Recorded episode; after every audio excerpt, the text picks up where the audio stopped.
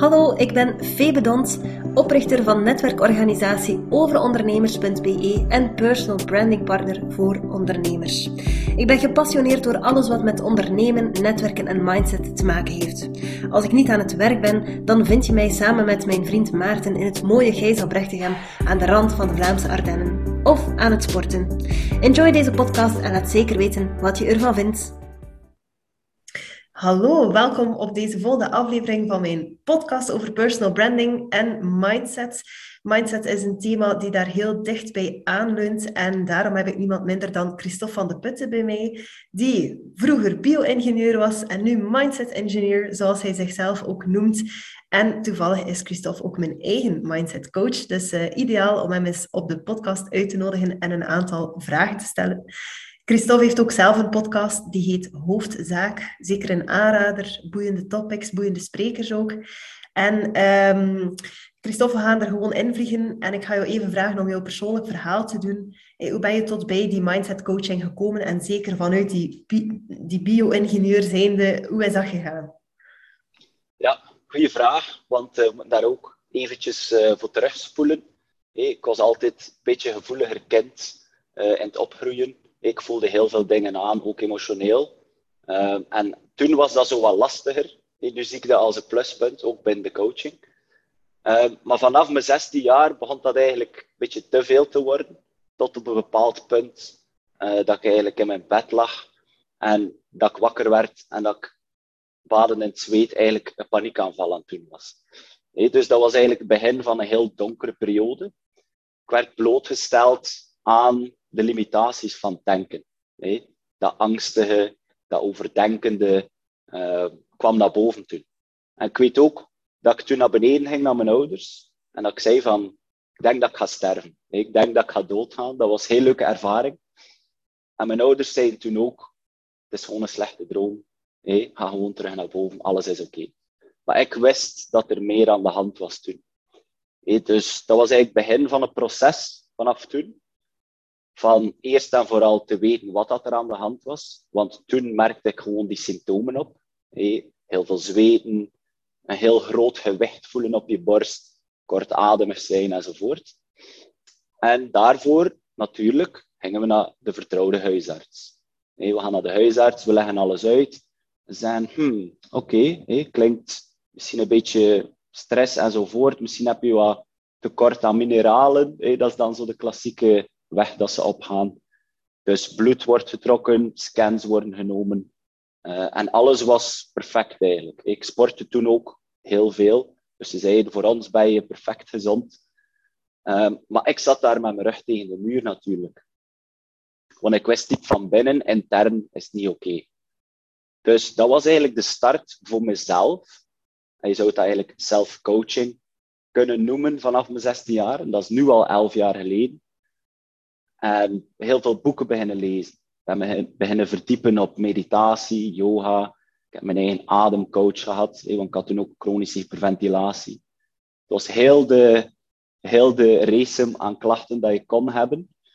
Um, en dat was eigenlijk constant aanwezig in mijn leven. Die focus op self-improvement. Hoe kan ik mijzelf hier gaan uitrekken? Hoe kan ik omgaan met die gedachten die bijna dagelijks echt een heel grote impact hadden op mijn, mijn leven en levenskwaliteit. En dat ging verder. En 2015 had ik al zo het gevoel, het prikkelt binnenin mij om dat ook een beetje naar de buitenwereld te brengen. En dat was toen WordPress, de blogs, was toen nog heel in, uh, in, in, in die tijd. Dus ik dacht, ik ga gewoon een website opbouwen, dat is gratis, hey, voilà. En een beetje denk aan de naam, oké, Be Mindful, ik vond het altijd belangrijk dat er ergens een speelse kant er ook in zit. Hè. Je kan het taboe doorbreken, maar eigenlijk op een speelse manier. Dus ik begon daar eigenlijk artikels op te delen. YouTube kwam uh, een beetje later ook. Hè, in het Engels, alles was in het Engels. Uh, wou ik zo wat uitleg doen van hoe kunnen we omgaan met gedachten, mediteren enzovoort. En dat was eigenlijk toen heel stress- en angstgericht. Omdat ik zelf nog in die situatie zat.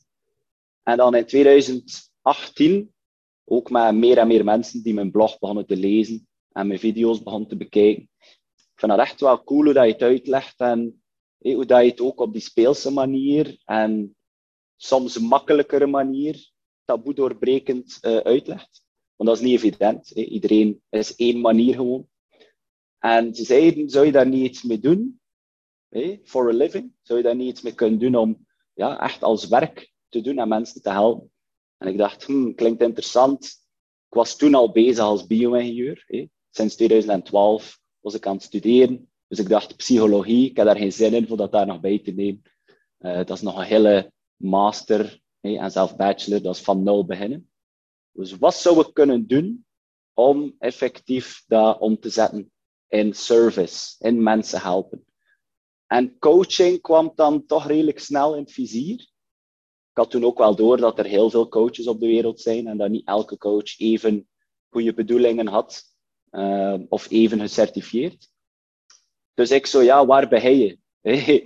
waar ben je in welk certificaat dat ik moet halen? Hoe ga ik mijn eerste klant binnenhalen? Dus dat was eigenlijk heel overweldigend. Maar dan ben ik via een andere blog voor ondernemers in contact gekomen met uh, Thiago Boer. En dat is eigenlijk een Duitser die in Brazilië woont. En dat is mijn eigen business coach dan geweest. Voor uh, een jaar en een half. Prachtige ervaring geweest. En ook vanaf dat ik eigenlijk had ingetekend op zijn programma, was ik committed, was ik all in. En dat is ook iets dat ik bij heel veel ondernemers zie. Ze hebben een idee, ze willen iets doen, maar er is toch nog twijfel, er is toch nog terughoudendheid. Dus het is pas vanaf dat je die commitment, die volledige ja, toelegging erop kan, kan doen, dan begint ding te shiften. En voor mij was dat dus het jaar 2018, 2019, dat dat voor mij het geval was. En hij heeft ook uh, mij geïntroduceerd van sales, hoe kunnen we ethiek sales doen? Eigenlijk is dat je klant dienen. Als je goed bent in sales, kan je eigenlijk mensen over de streep trekken om transformatie te gaan brengen enzovoort. Dus dat was een hele andere manier van sales doen dat, dat ik in mijn hoofd had. Zo de pushy uh, manier van doen en zo van binnenhalen, I closed someone. Dat waren allemaal termen dat ik niet gebruikte met Thiago. Uh, dus 2019 mijn eerste klanten en dan nog altijd in bijberoep eigenlijk. Want ik werkte dan vanaf 2019 als bio-ingenieur bij Omega Bars. Dat is een start-up die duurzame viskwekerij eigenlijk doet. Dat is naast Tomato Masters in Deinze. Um, heel cool, uh, leuke manier ook om echt in die start-up wereld zowel binnen te rollen. Het teamgevoel, leadership een beetje aanvoelen ook van de CEO enzovoort. Heel veel geleerd, maar dan in 2021 merkte ik, er is te veel verschil tussen wat ik nu doe en waar ik eigenlijk mijn toekomst zie, ook binnen de coaching. Dus ik moet er gewoon voor gaan. En dan sinds vorig jaar die volledige sprong in het ondernemerschap op mezelf gemaakt. Um, en voilà. Dus ik noem mijzelf een mindset engineer, omdat ik voel dat mijn achtergrond binnen het ingenieurschap echt wel te combineren valt ook met de coaching. Coaching is soms niet specifiek en woe-woe. Mhm. En het wetenschappelijke is dan echt zo evidence-based, data-gedreven. En dat vind ik dan ook een sterkte dat kan incorporeren. Hè. Soms gebruiken we extra biometrie-dingen, zoals uh, slaaptracking, hartslagvariabiliteit, om die stress te gaan meten dus dat je toch ook op dat vlak ergens uh, inzichten kan krijgen. Ja. Dus voilà, dat is in een notendop, of misschien een grotere notendop, een beetje het verhaal. Ja, geen probleem. Uh, boeiend. Proficiat ook met de sprong. Hè. Ik heb het van dichtbij meegemaakt dat je die sprong hebt gezet. Of ja, dichtbij is een groot woord, maar uh, ja, ik heb het wel gehoord natuurlijk van jou en uh, ben daar heel blij om. Um, nu, ik vraag mij af, um, wat voor klanten er allemaal op jouw pad komen? Zijn het altijd ondernemers of niet? En met welke vragen of uitdagingen komen zij? om misschien even ook mijzelf kwetsbaar op te stellen. De reden waarom dat ik bij jou ben gekomen was oorspronkelijk. Ik wil een beetje meer accountability, want ik voel dat ik nog een aantal zaken vastloop in mijn business. Maar na het eerste gesprek was zeer duidelijk dat er wel een andere uitdaging was. En dan, die was dan eerder ook privé. Het feit dat ik op mijn 29 jaar twee pluskinderen heb van 10 en 13 jaar, dat is uh, geen evidentie. Um, en um, ik, ik werd te vaak boos eigenlijk. daar kwam het gewoon op neer. En daar wou ik iets aan doen. Ehm, dus daar zijn we nu al een aantal maanden op aan het werken samen. En ehm, ja, dat, engineering is ook echt wel waar. Um, heb mij wel al doen beseffen dat ik gewoon een aantal dingen diep, dieper liggend moet veranderen, om dan ja, anders te gaan mij gedragen. maar goed, mijn vraag was, wat voor klanten komen er allemaal bij jou en met welke pijnpunten? Hmm. En ik wil ook eerst eventjes acknowledgen dat je, alleen dat is heel krachtig dat je hier kwets, kwetsbaar durft op te stellen. Ook binnen je eigen situatie. Dus uh, ik denk dat dat voor heel veel mensen ook superkrachtig is. Dus opnieuw heel cool gedaan. Welke type mensen? Ik zou kunnen zeggen eigenlijk de huidige klanten dat ik nu serve. Ik heb vier bedrijfsleiders dat ik mee samenwerk, één CEO. En dat is dan eigenlijk op het ondernemerschapvlak, uh, de, het businessvlak, ook drie individuen. Er zijn ook mensen die komen met gewoon die interesse van ik zou heel graag veel beter met gedachten willen omgaan. Want we weten gewoon, de kwaliteit van je gedachten is de kwaliteit van jouw leven. Simpel as that. En ik zou durven zeggen zelfs dat ook al heb je ondernemers en een heel breed spectrum teruggaan naar uh, een professioneel muzikante die podiumvrees heeft, dat je alles kan terugcijferen naar dat interne, die interne plattegrond. Hetzelfde wat dat jij zei ook, ik heb dat gemerkt, de mindset engineering. Ergens zit je met een innerlijk systeem, een innerlijke plattegrond van hoe ziet jouw wereld eruit. En bij iedereen is dat individueel. Iedereen heeft zijn eigen manier van kijken naar de wereld. Dat heeft positieve punten, van heel veel mensen zijn zelfvertrouwd in ik kan dat goed en dat goed. Maar dan zijn er ook negatieve punten. Ik ben daar niet goed in, of ik ben gewoon zo. Het karaktereigenschap, heel snel gaan uh, die kaart trekken. En dat beïnvloedt allemaal één voor één hoe dat wij geloven over onszelf, onze acties, en die acties beïnvloeden onze resultaten.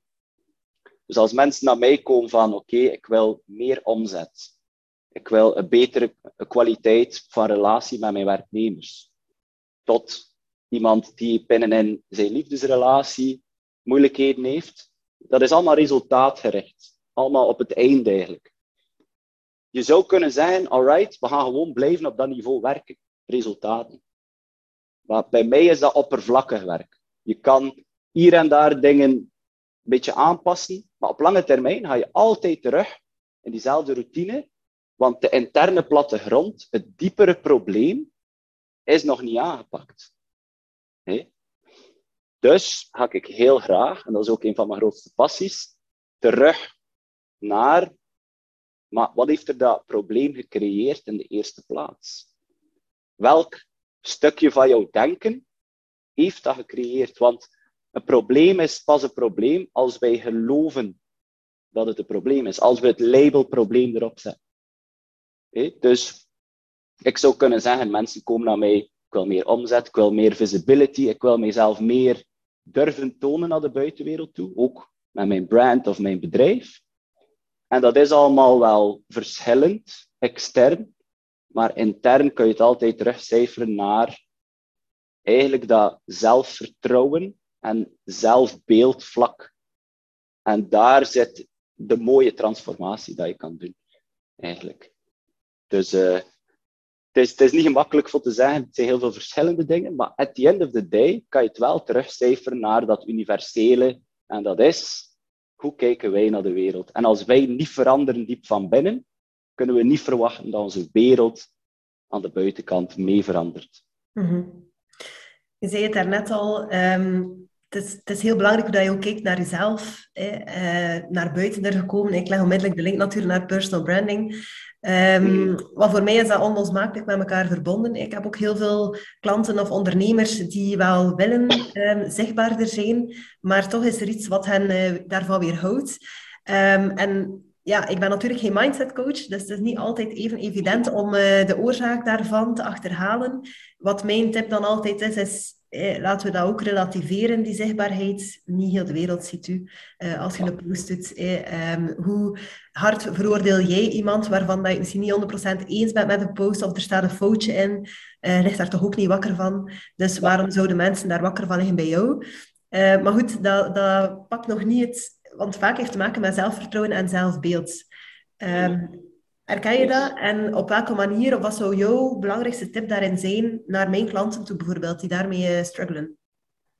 Dus eigenlijk op vlak van personal branding specifiek. Ja, waarom durven ze niet naar buiten komen? Ja. Ik denk dat inderdaad eerst belangrijk is om te gaan kijken hoe hard vertrouw je jezelf, jouw service dat je verkoopt en de producten. dat kan afhankelijk zijn van welke business dat we over praten. Want als je naar buiten wil komen, maar je bent eigenlijk diep van binnen niet 100% overtuigd van wie dat je bent binnen in je business en wat dat je naar buiten brengt, ja, dan ga je ook in de manier waarop you show up in de wereld, gaat dat ook een beetje naar boven komen. dus ik zou daar een hele grote audit doen. En dat gaat ook heel vaak gepaard met, ben ik binnen in mijn eigen bedrijf en hetgeen dat ik aanbied, nog altijd verbonden met mijn waarden en normen.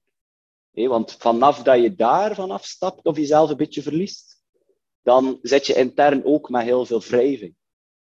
Dus ik zou eerst een audit doen intern, van zitten we eigenlijk wel nog goed? Of ben ik eigenlijk aan het opereren, aan het aanbieden, wat dat ik denk dat andere mensen willen? Mm Natuurlijk, je moet market research doen, 100%. Maar je moet jezelf niet verloochenen om dan iets aan te bieden. Ja. Dus ik denk dat dat al heel veel kan doen. Als je echt terug 100% in je eigen waarden en normen staat, van daaruit is het veel makkelijker en met veel minder wrijving om naar buiten te komen en, en jezelf te tonen in de wereld. Ja. Dat is één punt. Dus het interne vlak. Het tweede, en ik spreek ook voor mezelf, want ik moet ook ergens content nog creëren. Het is al eventjes geleden, om eerlijk te zijn. Um, ik moet dat ook doen. En altijd komt er ook iets naar boven van, gaat dat wel goed zijn? Wat gaan de mensen denken? Gaan ze me judgen? Al die dingen komen naar boven. Maar ik weet nu wel doorheen de tijd dat dat nooit gaat weggaan. Dus wat ik zou zeggen is, je moet, je moet het pad van moed kiezen. Moed over angst. Die angst gaat er altijd zijn. En opnieuw, die angst kun je reframen. Angst voor mij is ook een kompas. Als ik voel, hmm, ik ben een beetje, ik noem dat excitement meestal dan angst. Want excitement heeft meer een positieve connotatie.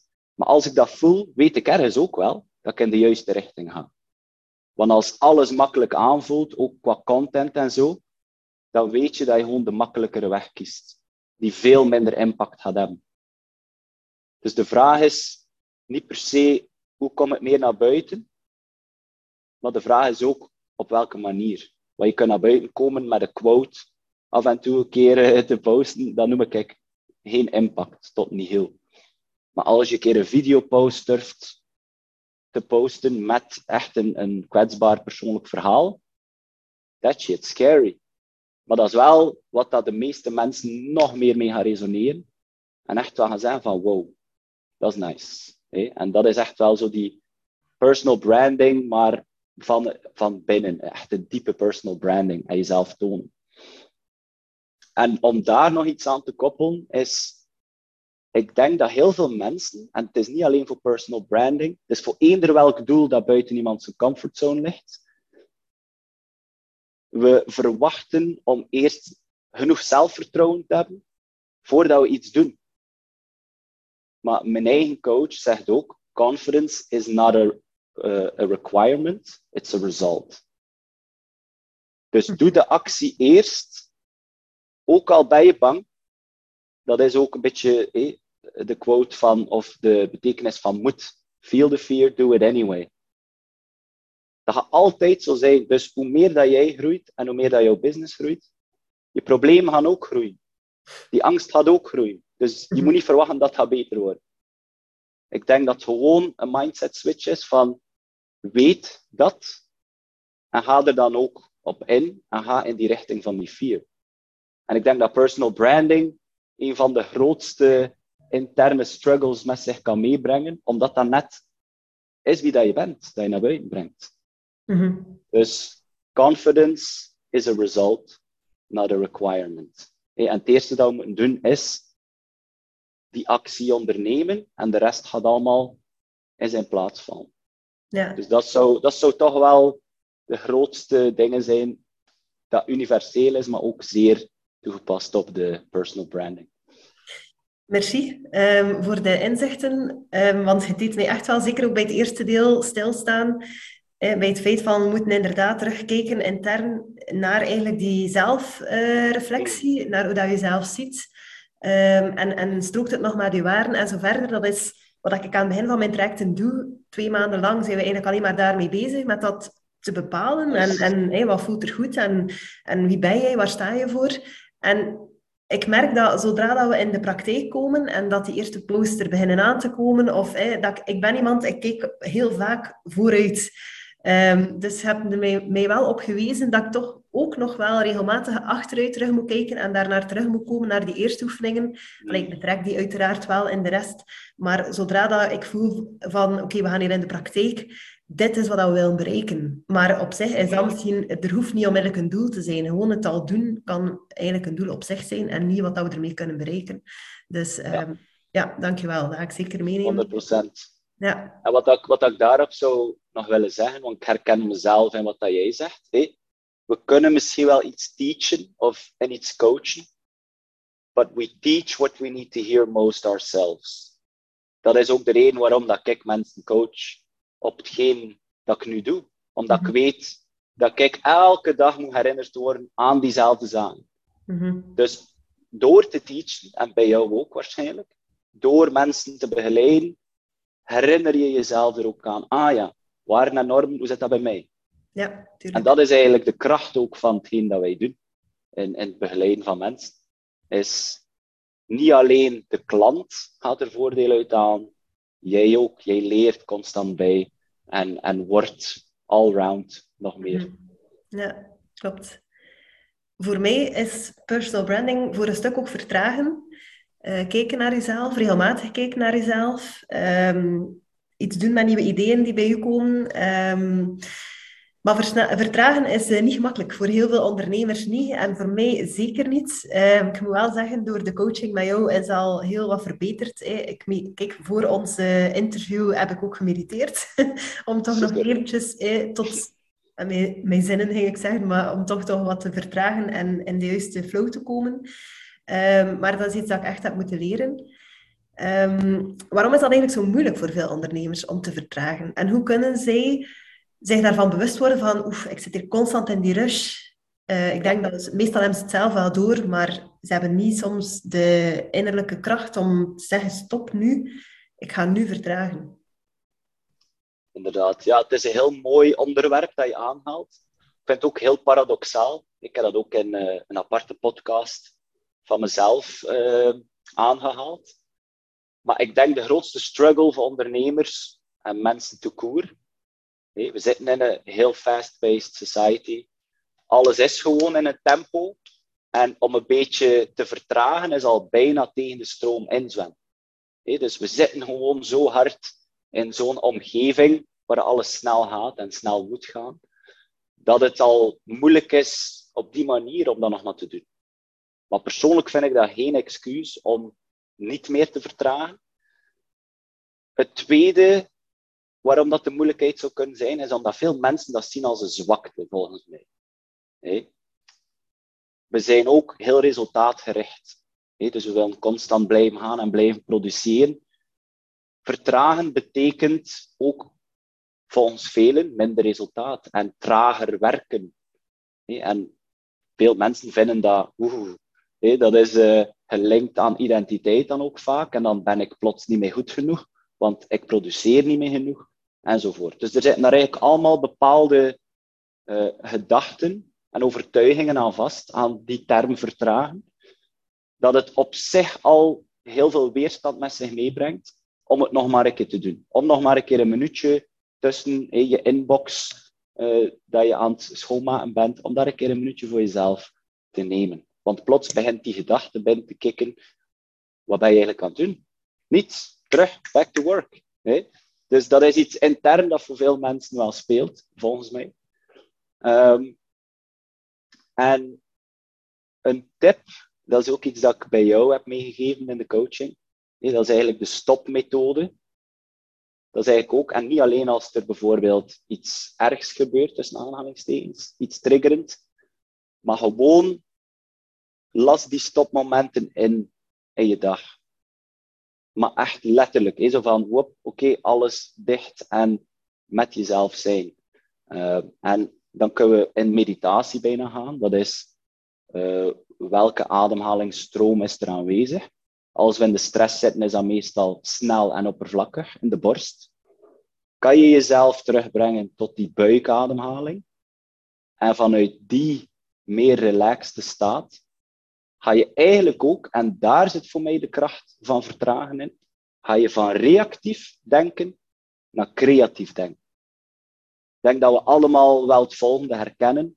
We zitten de eerste vier uur van onze werkdag heel zot bezig in de inbox. We, we, hebben verschillende meetings tussendoor. Er blijven e-mails binnenkomen, pop-ups. En op de duur zit je zo in een automatisme, een autopiloot. Dat is reactief. Bij elke nieuwe prikkel dat je krijgt, uh, ga je direct gaan reageren zonder dat je er al te veel bij nadenkt reactiviteit en de acties die je neemt vanuit die manier van zijn en denken, hebben veel minder impact. Ik heb dat zelf ook meegemaakt. Hè. Uh, af en toe zit ik ook nog een keer in zo'n dag. Oei, oké. En dan moet ik mezelf herinneren. Ga terug naar de rust, de vertraging. En creativiteit en creatief denken komt dan van daaruit. Voor mij zijn dat ook de momenten dat ik op podcast onderwerp ideeën kom. Op nieuwe mensen dat kan contacteren. En dat alles voelt veel meer in flow. Alles voelt veel beter aan en echt aligned. En je doet het gewoon graag. Reactief is te veel in die stress, te veel in die weerstand. Dat voelt ook gewoon minder leuk aan. En om af te sluiten, ik denk dat mensen een probleem hebben in het algemeen met het vertragen, met dat concept omdat vanaf dat je vertraagt, neem je prikkels weg. Hè? Je inbox, social media, misschien dat suikerkoekje. Hè? Dat zijn allemaal prikkels die een beetje voor afleiding zorgen. Als je dat allemaal wegneemt, met wie ben je dan nog en met wat? Dat is met jezelf en je eigen gedachten. En vertragen is voor die reden, denk ik, een heel grote uitdaging voor velen. Omdat je gewoon we zijn daar niet mee gewoon om alleen te zijn met onszelf en onze gedachten. Oeh, hé, die gedachten beginnen weer op te komen. Oké, toch iets gaan zoeken en hé, onszelf gaan afleiden. Uh, hetzelfde in het openbaar. Wachten op de bus, wachten op het openbaar vervoer. Iedereen zit op zijn gsm. Ik kan ook niet zeggen dat ik daar nooit schuldig aan ben, maar ik probeer er wel bewust mee om te gaan. Als je jezelf de vraag bijvoorbeeld stelt, wat zou het betekenen voor mij nu om niet op mijn gsm te zitten? En dan voel je soms wel een weerstand van binnen. Zo van, ah, hé, zo, er wringt iets. Maar dat gaat heel snel voorbij ook. En dan, oké, chill. Ik heb dat niet nodig. Dus dat is de grootste challenge voor mensen. Dat is die, die afleiding willen hebben constant. Er zijn ook veel uh, bedrijfsleiders dat ik help, die ook zeggen, Christophe, ik ben verslaafd aan social media. Ik ben verslaafd aan dit en dat. Want soms is de stress zo groot dat ik het moet ergens, dat ik iets nodig heb om mezelf af te leiden. Dus dat is eigenlijk een deel van, van het probleem of een symptoom van het niet met jezelf kunnen zijn. Merci. Opnieuw mooie inzichten. Ik ben altijd geboeid aan het luisteren als je aan het praten bent. Um, misschien om af te sluiten, Christophe. Um, wat zijn jouw verdere ambities nog als mindset engineer? Mm, dat is uh, iets heel cool hè, om over na te denken natuurlijk. En voor mij is dat nog dit jaar zoveel mogelijk ondernemers, um, founders en CEO's in het algemeen, hè, gewoon mensen in het ondernemerschap, helpen om nog meer impact te creëren in hun leven, persoonlijk, gezin, vrienden, familie, in hun business en gewoon in het algemeen. En impact voor mij komt vanuit een gezonde manier van zijn. En dat gaat heel vaak gepaard met hoe kijken we naar onszelf en hoe gaan we om met die gedachten? Dus eigenlijk mensen van binnenuit hun leven doen veranderen in alle takken. Dat is voor mij de focus voor dit jaar. Mm naar volgend jaar toe wil ik twee retreats doen in het buitenland, high level. Dus uh, opnieuw dat mensen daar zijn en dat ze dat nooit meer vergeten voor de rest van hun leven. Dat ze zeggen van, die retreat heeft mijn leven veranderd. En hoe dat ik kijk naar alles vanaf dat moment. Um, ik kan daar heel emotioneel over worden. Hè? Zo van, de impact dat ik soms maak bij mensen, dat is enorm. Hè? Uh, een van mijn eerste cliënten uh, kom ik af en toe nog tegen. En hij zegt ook tegen mij, hij heeft letterlijk mijn leven gered. Nee. En, dat, en dat vind ik een van de, van de mooiste dingen dat je kan doen als coach. Hè? Hm. En dan naar volgend jaar toe zou ik heel graag een team uitbouwen. Ik kan natuurlijk niet alles zelf blijven doen om nog meer mensen te dienen en hetgeen doen waar ik goed in ben en het liefste doe. En dat is die coaching zelf. Mhm. Dus uh, voilà, dat is, dat is op termijn. Het zou leuk zijn om een teampje te hebben daarin ook. En ja, wie weet internationaal. Ik heb ook gedacht aan bepaalde uh, digitale producten. dat je bijvoorbeeld ook een acht weken videoprogramma kan volgen enzovoort. Mm Maar uh, first things first. Ik wens je daar in elk geval heel veel succes mee. Ik uh, kan beamen dat je heel goed weet waarover dat je het hebt en dat je echt impact maakt, uh, ook op mij. Dank je wel. Christophe, waar kunnen mensen jou contacteren of gemakkelijk terugvinden? Uh, dus ik zit op sociale media. Dat is chris.vdp. Dat is eigenlijk mijn persoonlijk profiel waar ik nu ook het meeste post ehm, van, van de coaching. Mm en ik heb ook een eigen website, bemindful.com. Nog altijd van back in the day, dat we een beetje gepimpt hebben naar vandaag, de doeleinden. Um, en op LinkedIn ben ik ook heel actief. Christophe op zijn Frans, C-H-P-H-E, van de Putten. Alright. Voilà. Ik zal een aantal linkjes toevoegen onder de video of onder de podcast. Merci Christophe voor uw tijd en eh, we zien elkaar binnenkort terug. Hè. Dankjewel. Heel erg, heel erg bedankt voor jouw tijd en de goede vraag. Ik vond het heel leuk.